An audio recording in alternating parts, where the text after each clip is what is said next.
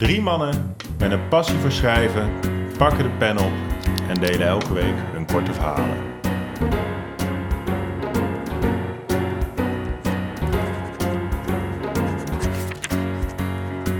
Welkom bij Goed Verhaal, Lekker Podcast. Ja, daar zijn we weer. Welkom jongens. Eindelijk. Al, alweer. Dit is niet de eerste aflevering, toch? Nee, dit is de zevende aflevering van het derde seizoen alweer. Maar wel de eerste keer dat we een het thema hebben wat uit meer dan één woord bestaat. Na Akda en de Munnik. Nou, Akda en Menk. Maar wel de eerste keer dit seizoen. Oh, Hey, ook welkom terug in het land, eh Rowan. Ja, En jij hebt een eh, biertje voor ons meegenomen. Dat is niet de eerste keer dat we die drinken. Ik heb voor de komende drie afleveringen heb ik bier meegenomen. Allemaal van de Beavertown Brewery uit Tottenham. oi. En eh oi, ik zal het... What do you think of Tottenham? Shit. You think of shit? Tottenham. Thank you. Hoe heet Tottenham? Hoe heet Tottenham? That's alright. Voetbalgrapje. ja. Maar vertel.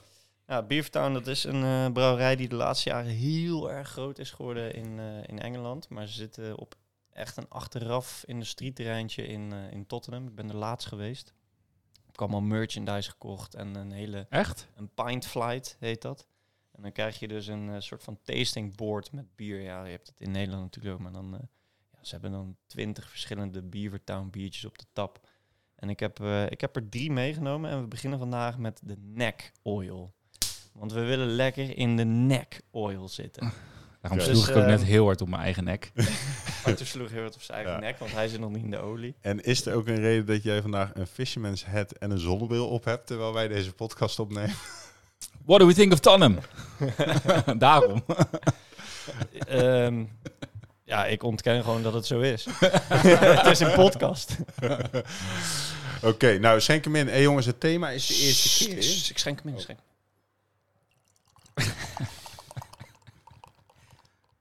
Klein beetje. Klein beetje. Klinkt goed. En dan proosten wij. Oh ja, Traditie geweest. Boven het een mengpaneel. Lekker jongens. Sorry, Gil. Hm. Continue. Het is echt een heerlijk biertje. Wij dronken deze heel veel in Londen toen we daar waren. Ehm hey, de eerste keer is het thema. En dat thema heb ik gekozen. Arthur zit mij heel schunnig eh, aan te kijken. Maar omdat ehm, verhalen schrijven, de eerste keer iets doen, is altijd spraakmakend. Dat deel je altijd. Ja, Daar heb ja. je altijd een verhaal over. Dus als ik zeg de eerste keer, wat is dan een, een verhaal wat gelijk bij jullie te winnen schiet? Ik kijk naar Arthur. Nou ja, ik, ik was dus, toen jij dit zei en ik moest een verhaal schrijven, toen, eh, toen probeerde ik me heel erg los te wurmen van de eerste keer zoenen, de eerste keer verliefd zijn, de eerste keer, de eerste keer, de eerste keer. Zonde. Ja, nou ja, uiteindelijk eh, moeten jullie maar beoordelen waar ik eh, mee ben geëindigd. Maar ik heb ook heel erg nagedacht over die eerste keer. En ik kwam ook tot de conclusie van de eerste keer dat je iets doet, eh, is altijd heel leuk. De meeste keren dat je iets voor de eerste keer doet, is altijd heel leuk. Maar het Mhm. bepaalt heel erg hoe de volgende keren gaan zijn. Dat was mijn, eh, dat was mijn gedachte. Daar heb ik uiteindelijk geen verhaal over geschreven. Maar ehm, eh, de eerste keer... Is ehm, het dan zo dat als je een eerste keer iets doet en het niet leuk is, dat je het dan ook daarna niet meer gaat doen? Of Ja, in mijn geval wel. ja? Wanneer heb je voor het laatst iets voor de eerste keer gedaan? ik wist dat deze vraag ging komen. Eh, daar heb ik ook over nagedacht. Eh, ik denk dat dat was toen ik... Nou, Net? Je bent net ja, ik voor ben het net voor het eerst Oh, ja! in mijn eentje naar de bioscoop geweest. Ik Ik, ben net een kwartier binnen. Ja, niet echt naar de bioscoop. Naar de, naar de, naar buitenfilm. Maar dat, was, dat is inderdaad wel ja, de laatste keer dat ik iets voor het eerst heb gedaan, inderdaad. Ja.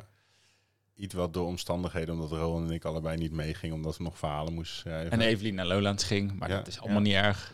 Nee, en hoe was dat om alleen naar de film te gaan? Ik heb dat ook nog op mijn lijstje staan. Echt? Ja. Ja, het was, eh, ja, het was leuk. Het was eh, ja, het begin ongemakkelijk, want ik zei tegen die mensen die me binnenlieten, ik zei ja, ik heb twee kaartjes, maar ik ben in mijn eentje. Toen zeiden ze, ah. Toen wilde ik zeggen, wilde ik zeggen, nee, nee, nee, nee, mijn, nee, mijn vriendin is naar Lowlands, maar... eh, En ik heb echt wel vrienden Ja. hoor, maar... en toen zeiden ze dus, ja, er is een vrouw hier eh, ook alleen. eh, als je wil, eh, gaan we er wel even halen. Ik zeg, nou, dat hoeft niet. Ik, ik ben hier gewoon, eh, ben hier gewoon in mijn eentje. Toen ging ik zitten. Toen zag ik mensen die ik kende, die bij mij in de straat wonen. Toen dacht ik, ga ik daarbij zitten? dacht ik, nee, ga ik niet doen. Dus ik ging in mijn eentje zitten. En voor mij zat een stel, heel verliefd. En op een gegeven moment eh, draait die man zich om. Hij zegt, eh, wil je een rozeetje? Ik zeg, nou, ik, ja, eh, Daar vind, zeg ik, jij geen nee tegen. vind ik altijd lekker. Vind ik altijd lekker. Ja, Eh, maar dat was dus denk ik omdat ja, zij ook zagen dat ik alleen was. Dus- Maar het, het was dus gewoon een leuke ervaring. Dat is, dat, is het, eh, dat is het. En ik was eigenlijk van plan om morgen voor het eerst in mijn eentje naar de bioscoop te gaan. Dus nu ga ik misschien morgen voor de tweede keer in mijn eentje naar de bioscoop. Kijk. Ja, je hebt wel snel. Waar ga je naartoe? Ga je naar Barbie? Nee, ik ga naar eh, Blue Beetle. Oh, Oké. nee, dat wil ik niet. ik heb daar de trailer van gezien En- tijdens Oppenheimer toen. eh, Eh, sorry. En jij, Ro? Ja, ik knip Nou ja. Ik, ik, moest, ehm, ik moest dus mijn verhaal nog schrijven. Dus ik heb een eh, gedicht over de eerste keer. Oké. Je hebt voor het eerste keer een gedicht geschreven. Nee. Maar wel voor de eerste keer heb ik... ehm, ja, ik trok het eigenlijk gewoon uit mijn billen.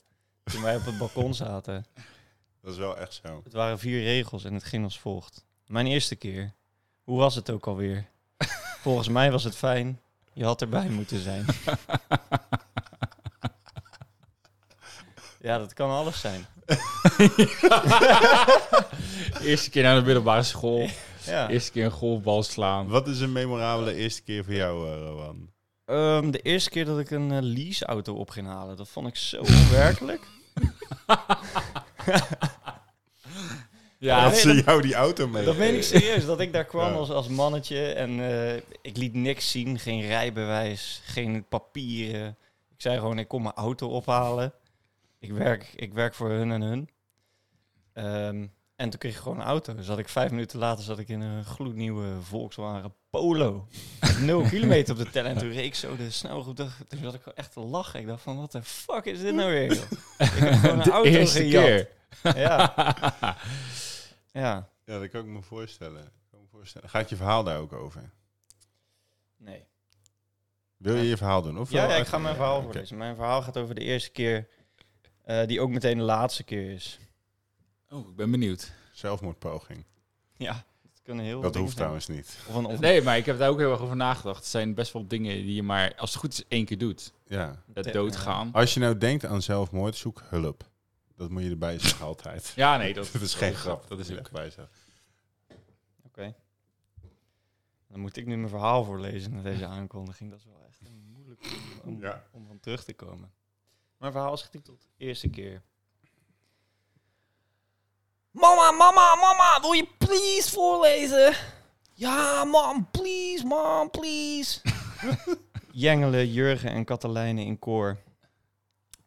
Oké, eentje dan, kinders. Maar nu dan meteen naar boven, tanden poetsen, pyjama aan en naar bed. Jurgen en Katelijne stommelen naar boven. Rustig die trap op, buldert papa vanuit zijn luie stoel. Hij pakt de afstandsbediening op en zet het volume elf tandjes harder. De vermaning van pa heeft effect. Jurgen en Katelijne ontzien de vloerbedekking van de trap en de onderburen voor de laatste paar treden. Zo hard gingen ze nou ook weer niet naar boven, lieverd. Mama geeft papa een kus. Papa zet het volume weer wat zachter en trekt zijn vrouw op de luie stoel. In deze stoel hoeven we niet luid te zijn, lieverd. Mama lacht verlegen. Ik ben zo terug. Ze loopt de trap op. Rustig die trap op, klinkt het vanuit de luie stoel. Mama moet lachen. Ze doet de deur van de tweeling open. Oh, slapen jullie al? zegt mama. Er klinkt stiekem gegiegel van onder het dekbed. Ik dacht dat jullie niet konden slapen zonder dat ik had voorgelezen, omdat er anders monsters onder het bed vandaan komen. Mama pakt de spartelende enkels van Jurgen en Katelijne en ehm, trekt het dekbed, dekbed omlaag. Hun blonde haar statisch en staat omhoog. Mama denkt aan hoe gelukkig ze nu is.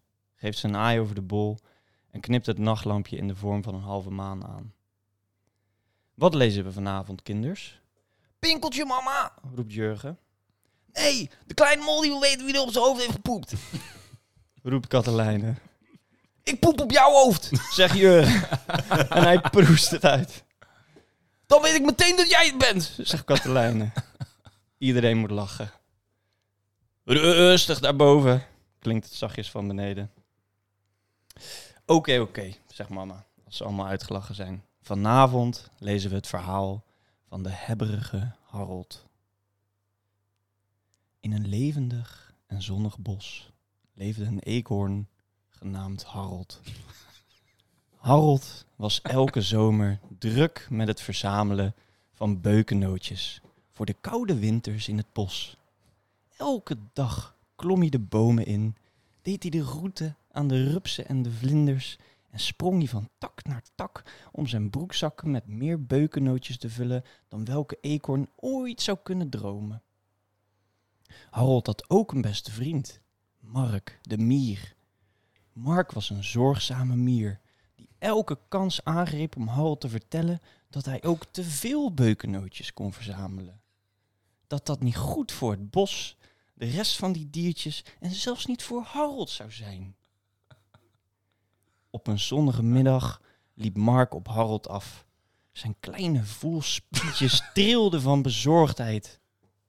Harold, zei Mark, je hebt zo ongelooflijk veel beukennootjes verzameld.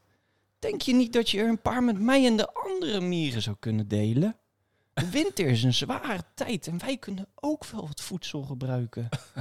Wij hebben maar van die kleine armpjes en beentjes, zoals je weet. Harold zijn ogen werden fel. En hij hield zijn armen strak om een beukennootje wat hij zojuist had verzameld. Mark, ik heb hard gewerkt voor deze beukennootjes. Ik kan ze niet zomaar weggeven. Straks heb ik er niet genoeg om de winter door te komen.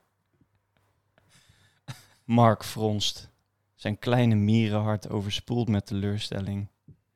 Maar Harold, vriendschap gaat over voor elkaar zorgen en met elkaar delen. We hebben altijd op elkaar gelet. Harold vond de winter overleven belangrijker dan zijn vriendschap met Mark. Hij was in paniek. Die nacht bedacht hij een plan. Hij ging alle beukennootjes zelf opeten, voordat ook maar één van die mieren of andere bosdieren erin kon hebben. Zodra de avond viel, begon Harold gehaast te eten. Zijn wangen werden groter en groter, terwijl hij alle beukennootjes en zijn bovenbenen op te eten. In zijn haast viel het Harold niet op dat hij een veel te groot beukennootje naar binnen werkte. Het beukennootje kwam vast te zitten in Harold's keel. Met zijn kleine eekhoornklauwtjes greep Harold naar zijn keel. Maar hij kreeg geen adem meer.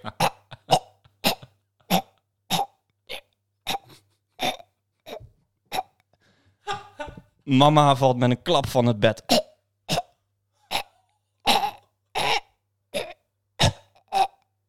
Mam! Mam!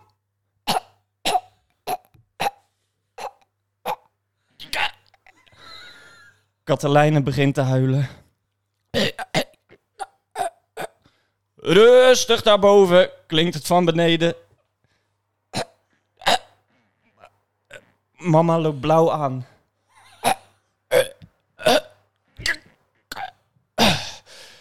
Zo, zegt mama. Dat moet eng geweest zijn, hè? Voor Mark en zijn mierenvriendjes. Willen jullie weten hoe het verder gaat? Of moet mama het morgen verder lezen? verder lezen, zegt Katelijne, terwijl ze haar tranen wegveegt. Oké, zegt mama. Mark en zijn vrienden in de kolonie horen dat Harold in de problemen zit en haasten zich naar zijn beuk. Ze proberen nog te helpen, maar het was al te laat.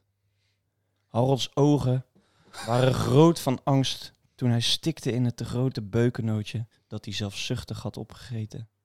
Hij blies zijn laatste adem uit, gestikt door zijn eigen hebberigheid.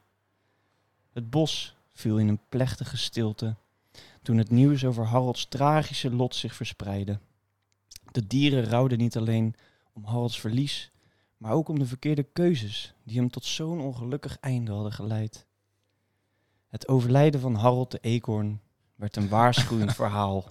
Een herinnering dat hamsteren en hebzucht tot ernstige gevolgen kan leiden. De dieren en mieren in het bos leerden dat echte vriendschap gebaseerd is op empathie en de bereidheid om te delen. Zelfs in tijden van schaarste.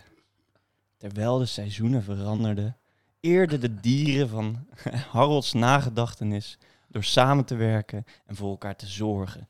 En ervoor te zorgen dat zijn ongelukkige einde niet voor niets zou zijn. En toen, toen kwam de olifant met zijn grote snuit en die blies het verhaaltje uit. Oh, man. Wat een performance. Dit is toch een soort van hoorspel wat je net hebt gehoord? Ja, Eh, Dit is echt, dit is echt ongekend. Maar en wat was dan... eh, en wat was dan de eerste keer precies die je, die je hierin wilde... Ja, dat Wilde is de vatten? van het verhaal. Stik voorzichtig, want dat doe je maar één keer. Ah, Ja. oké, oké, oké, oké. Stik voorzichtig. Stik voorzichtig. Dat vind ik al, ook altijd zo'n klote opmerking. Als je dan zo je ergens in beslikt en dat iemand dan zegt stik heel voorzichtig. irritant. Ja, ik ook. Daar heb ik dit verhaal op gebaseerd eigenlijk. Ja. Maar ik dacht dat je het eh, op dat corona-filmpje eh, van die mensen die in Dordrecht gingen hamsteren had gebaseerd. Toen je daar zo mee eindigde. Dat Je kan maar hamster, een beetje een voorraadje hebben. houdbare melk. Wc-papier gekocht. ja, maar beter een voorraadje aanleggen of niet? Ja, ik vond het inderdaad ik vond het een hele sterke, hele sterke performance. Ja, het is, het is ja... En het is een verhaal in een verhaal, waardoor het zeg maar extra dimensie krijgt. Dat vind ik goed verzonnen. Creatief. En leuk ook voor kinderen. ja Dus als je- dit is onze eerste kinderaflevering. Ja, Ja. ik heb ook een kinderverhaal geschreven. ja? Nee. nou, ja, ik weet het niet. Hey, en ik zit te denken, dit is trouwens nog een eerste keer. Want je hebt nu voor het eerste keer je eigen shirt aan. Dat jullie samen hebben gedesigned. Toch? Ja, dat klopt. pluggen. Even pluggen, ja. Hoe gaan we dat pluggen? Ja, weet ik veel. Je hebt een shirt Oh, we hebben allebei, eh, we hebben allebei eh, ons, eigen, ons eigen shirt aan. Ja, Je zit tegenwoordig in de fashion. De eerste keer dat we een zo... Rowan, eh, Rowan en ik zitten in fashion. Caesar Wear, dat is nog een fashion. werknaam. Ja.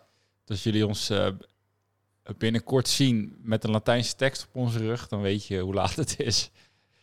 Stik voorzichtig in eh, de kosten. nee, maar hartstikke jullie, mooi. Jullie Ja. zijn samen zijn jullie een, een shirtmerk gestart en jullie ontwerpen je eigen shirts en die, eh, die hebben jullie nu aan. ja, maar Ik heb we zijn, eh, je hebt het oké, maar we zijn langzaam eh, aan het testen en aan het doen. En op een gegeven moment, als de tijd rijp is, dan is het de eerste keer dat wij ermee naar buiten komen en dan is het raak. Dus het is nu een beetje undercover nog, net zoals Roman er nu bij zit. Ja. hey, dan gaan we naar jou Ik had uit. dat nodig wil je voor de nog iets, performance. eh, wil je nog iets Snap zeggen ik. over je verhaal? Nou, ik, eh, ik wil alleen zeggen dat ik eh, het verhaal wat ik nu voorgelezen, maar ook de verhalen van de komende twee afleveringen heb ik eh, uit een ander vaatje getapt, denk ik, dan wat ik eh, normaal gesproken zou doen. Mhm. Ik ben benieuwd, eh, ik ben benieuwd wat jullie ervan vinden. Ik ben ook benieuwd. Komt ie.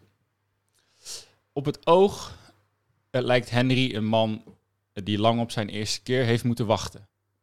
Hij is 1 meter en 65 centimeter lang, heeft lang ongekamd haar en een litteken en bril waar Harry Potter er jaloers op is. Toch was hij slechts drie toen hij voor het eerst eh, teleurgesteld werd. Zijn ijsje viel in het zand en Henry was ontroostbaar. Hij sloeg de hand aan zichzelf en gooide zijn hoofd tegen een houten paal op het strand. Vijf minuten lag hij daar, oogcontact te maken met de zon, toen een vrouwelijke strandwacht op hem af kwam rennen. Omdat ze dacht dat hij niet meer ademde, pakte ze zijn gezicht en begon met reanimeren. Haar lippen raakten zijn koude lippen en bliezen warme lucht in zijn mond. Henry opende zijn ogen en rende verontwaardigd weg in de richting van zijn moeder, die rokend in een strandstoel zat. Toen hij negen jaar was, vond hij zijn eerste liefde. Eh, Dolly was een hond die zijn moeder op straat had gevonden. Ze was een Engelse bulldog en hield erg van eten. Dolly werd niet goed verzorgd en dat resulteerde in veel kwel in de plooien van haar boze gezicht. Ongeveer rond dezelfde tijd kreeg zijn moeder een pot pindakaas van de overbuurman. Ze smeerde het op het brood van Henry en hij was meteen verkocht. Vanaf dat moment smeerde hij zijn tweede liefde overal op. Op een avond, toen Henry dacht dat zijn moeder op date was met de overbuurman, smeerde hij pindakaas over zijn hele pyjama. Dolly, die ook van pindakaas hield en niet groot genoeg was om bij zijn bovenlichaam te komen, likte de pindakaas van Henry schoot. Henry schrok toen hij de deur open hoorde gaan. En zijn moeder slaakte een gil eh, toen ze het witte slijm rondom Henry's kruis zag en maande hem naar boven te gaan. Zijn moeder wist niet goed hoe ze met deze ontwikkeling van haar zoon om moest gaan. En daardoor werd er vanaf dat moment steeds minder gesproken. Het gebrek aan afleiding zorgde ervoor dat Henry het goed deed op school. Wiskunde, zijn derde liefde, bleek zijn favoriete vak. De eerste keer dat hij een cosinus met een tangers vermenigvuldigde, voelde orgastisch en maakte zijn liefde alleen maar groter. Dit zorgde ervoor dat Henry vrijwel niet buiten kwam en altijd achter de eettafel zat om meer te, om meer te leren over algebra, de stelling van Pythagoras en exponentiële vergelijkingen. Op zijn 16e verjaardag, toen Henry bezig was met het leren over kwantummechanica, werd er een groot pakket bezorgd. Henry keek naar zijn moeder, die in de tuin bezig was om haar peuken op te ruimen, en besloot de deur open te doen. Hij legde het grote kartonnen pakket op tafel en opende het. Zonder te lezen dat het pakket voor de overbuurman was, legde hij de sekspop op tafel. Zijn vingers gleden over de siliconen rondingen, terwijl zijn hersenen haar volume berekenden. Het geschil van zijn moeder overstemde zijn gestamel en leidde ertoe dat Henry op vroege leeftijd ergens anders moest gaan wonen. Nu, twee jaar later, opent Henry voor het eerst uit de voordeur van zijn eigen sociale huurwoning. In zijn armen houdt hij een doos vol pindakaas en boeken. Het dolly volgt hem in zijn kielzog. Hij gaat zitten op de witte klapstoel die de vorige bewoners achter hebben gelaten en zet de doos op de grond. Terwijl hij Dolly aait en naar zijn nieuwe woonkamer kijkt, denkt hij niet aan de dingen waar een normale jongen van 18 jaar aan zou denken. Maar dat maakt voor Henry niet uit. Want hij heeft het allemaal al een keer meegemaakt.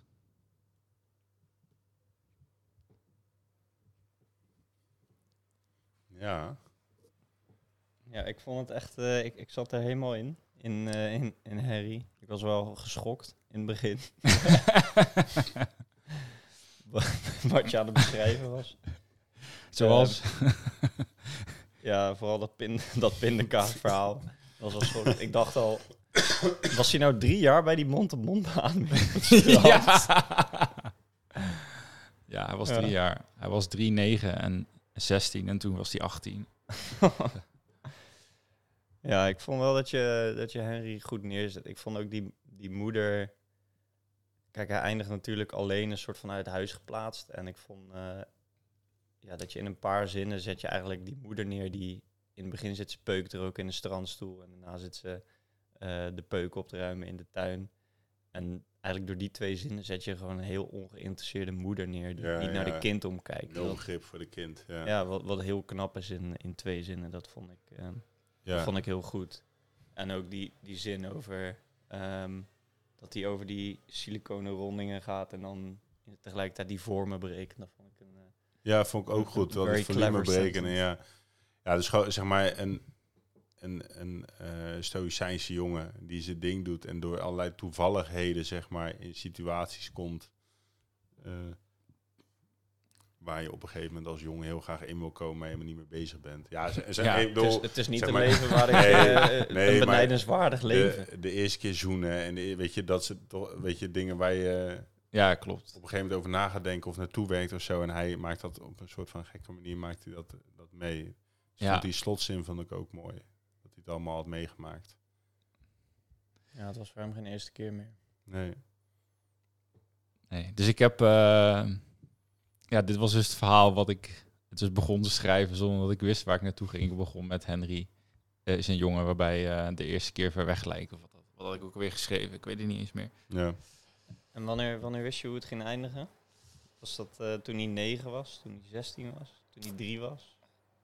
Nou, dat was, dat, dat, dat was bij het tweede stuk dat ik dacht van... Oké, hij moet een tweede liefde krijgen. Dat wordt dan niet rond. Of die pindakaas.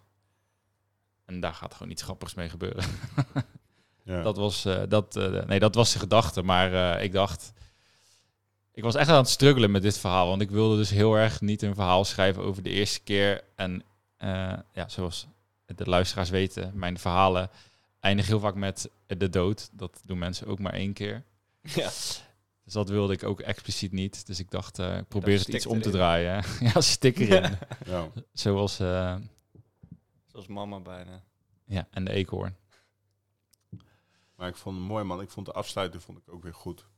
Dat is iets dat je ook, volgens mijn laatste afleveringen, dat je, dat je soms anders, zeg maar, anders afsluit of zeg maar rondmaakt Ja. aan het einde. Ja, ik probeer ze meer rond te maken, ja. Ja. Dat heb ik eh ja, de laatste tijd wel veel in columns gelezen. Dus dan ben je er- ervan bewust dat het, eh, dat het wel heel belangrijk is. Maar dat maakt het wel heel sterk. Ik lees ook altijd zelf zo thuis voor. En dan ben ik aan het denken, oké, wat wordt dan de laatste zin?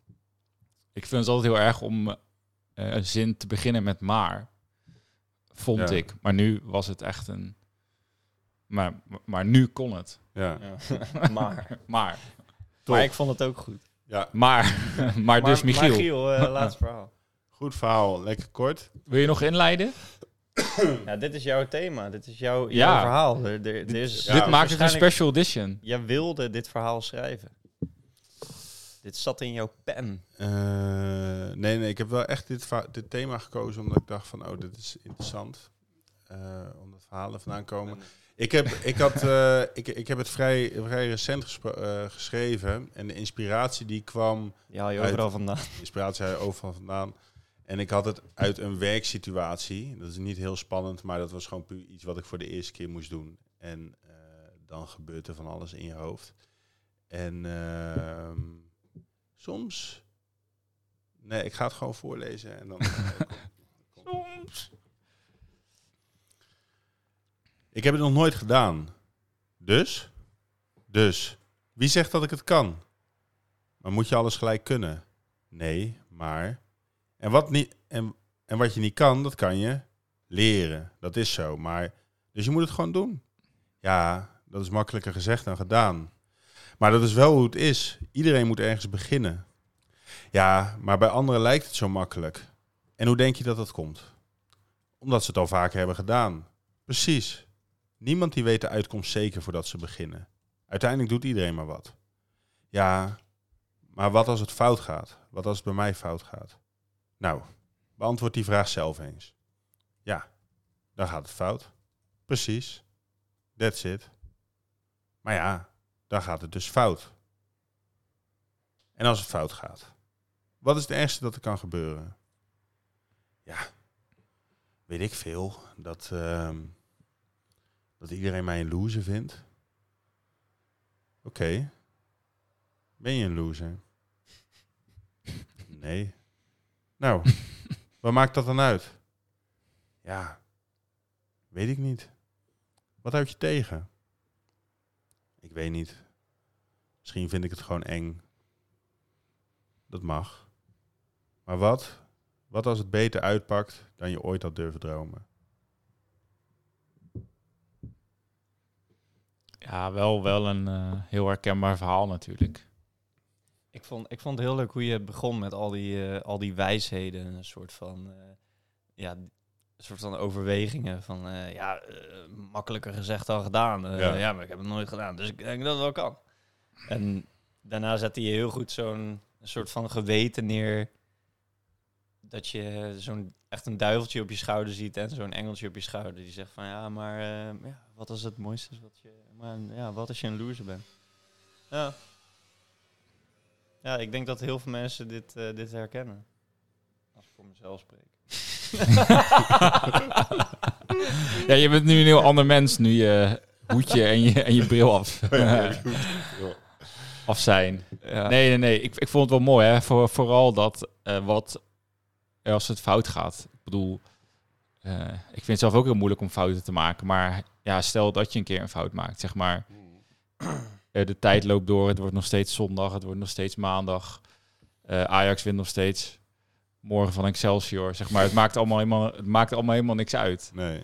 Dus ik vond het mooi hoe je dat eh, ehm, wist te koppelen aan de eerste keer. Want wat ik net zei, van hè, de eerste keer je bepaalt heel erg hoe je de rest van de keren eh, ziet dat je het doet. En het kan een hele erge blokkade opbouwen. Eh, ik weet bijvoorbeeld nog de eerste keer dat ik nadat ik mijn rijbewijs had gehaald, eh, ging ik autorijden in de auto van mijn moeder. En toen sloeg die af voor een stoplicht. Toen ging iemand achter mij toeteren. Dat deed de auto of dat deed jij? De auto reageerde op hoe ik deed. Ik kon niet genoeg koppelen. Maar, eh, maar daarna was ik dus best wel bang om weer in die auto te stappen. Dus die eerste keer, zeg maar, na je rijbewijs, Ja. dat er niemand naast je Kleurt de zit. rest van je ervaringen. Die heb ik echt een half jaar gewoon echt met, gewoon met zweet en met angst, zeg maar. Dat elke keer als ik dan wilde weggebre- wilde weg bij, wegrijden bij een stoplicht, echt zo... Ja, ja, Dat ik dan zo die één, ja. die één, die, gas. ja, die één, veel toeren ja, ja, tering toeren. maar nee, Toch dus, geen kinderaflevering.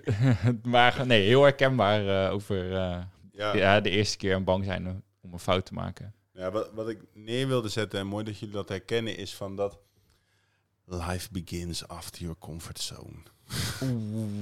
Nee, dat, dat kijk, Wow. eh, die clichés, zeg maar, van dat we, we hebben allemaal, vindt het allemaal heel makkelijk om iedereen te adviseren, zeg maar, om dingen voor het eerst te doen of dingen te doen die ze spannend vinden, of dan kunnen we dat altijd. Ja, voor Mark Maar- Mier eh, vond het ook heel, eh, heel makkelijk om te doen. Spring nou gewoon in diepe. Maar voor, voor onszelf vinden we dat heel lastig. En er komt altijd weer een punt dat je soort van... Hè, dat je iets nieuws gaat doen en dat je daarna verzadigd raakt... of dat je er comfortabel in wordt. En dat je eigenlijk weer iets nieuws moet doen. En dat je dus jezelf weer moet pushen, Ja. zeg maar.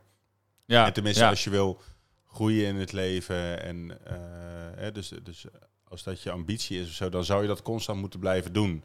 Eh, maar ik merkte dat, dat ik dus van de week iets nieuws moet doen. En dat ik dat dus weer gewoon heel erg lastig vond om iets voor de eerste keer te doen. Dat je dan toch gaat twijfelen en dan wil je toch alles duidelijk hebben en verwachtingen en weet je wel van. eh, Ja. Herkenbaar. En het jammer is dat je dan dus altijd kijkt naar van de druk gaat altijd over de slechte uitkomst. Terwijl als je Ja. focust op hè, van eh, ja, wat als het het best mogelijke uitpakt van eh, ja, hoe graag zou je dan nu zeg maar die daarvoor in willen zetten. Ja. Er bestaat geen slechte uitkomst toch eigenlijk? Eigenlijk is de eerste keer de, de start Ja, van, eh, Van de rest van van je hoe, leven. hoe goed je uiteindelijk iets gaat kunnen. Ja, ik weet nog dat ik, dat ik, mijn vader volgens mij toen, die belde ik toen, toen moest ik iets voor mijn studie doen of zo. Volgens mij moest ik mijn scriptie verdedigen of zo, zeg maar. En dat, dat was niet helemaal lekker. En toen op een gegeven moment zei hij van, ja, wat is het ergste dat er kan gebeuren? Weet je wel, ik hou van je, je moeder houdt van je, je zus weet van, eh, je hebt vrienden, je bent gezond. Right in the Ja, feels. van, wat, wat is het ergste dat Wie er kan ui aan het gebeuren? snijden? En dat, dat, dat is ook, zeg maar, zo, toch? Van, Ja, als je ja, dat ja, dat is ook relativeert zo. zo, dan, dan helpt dat ook wat.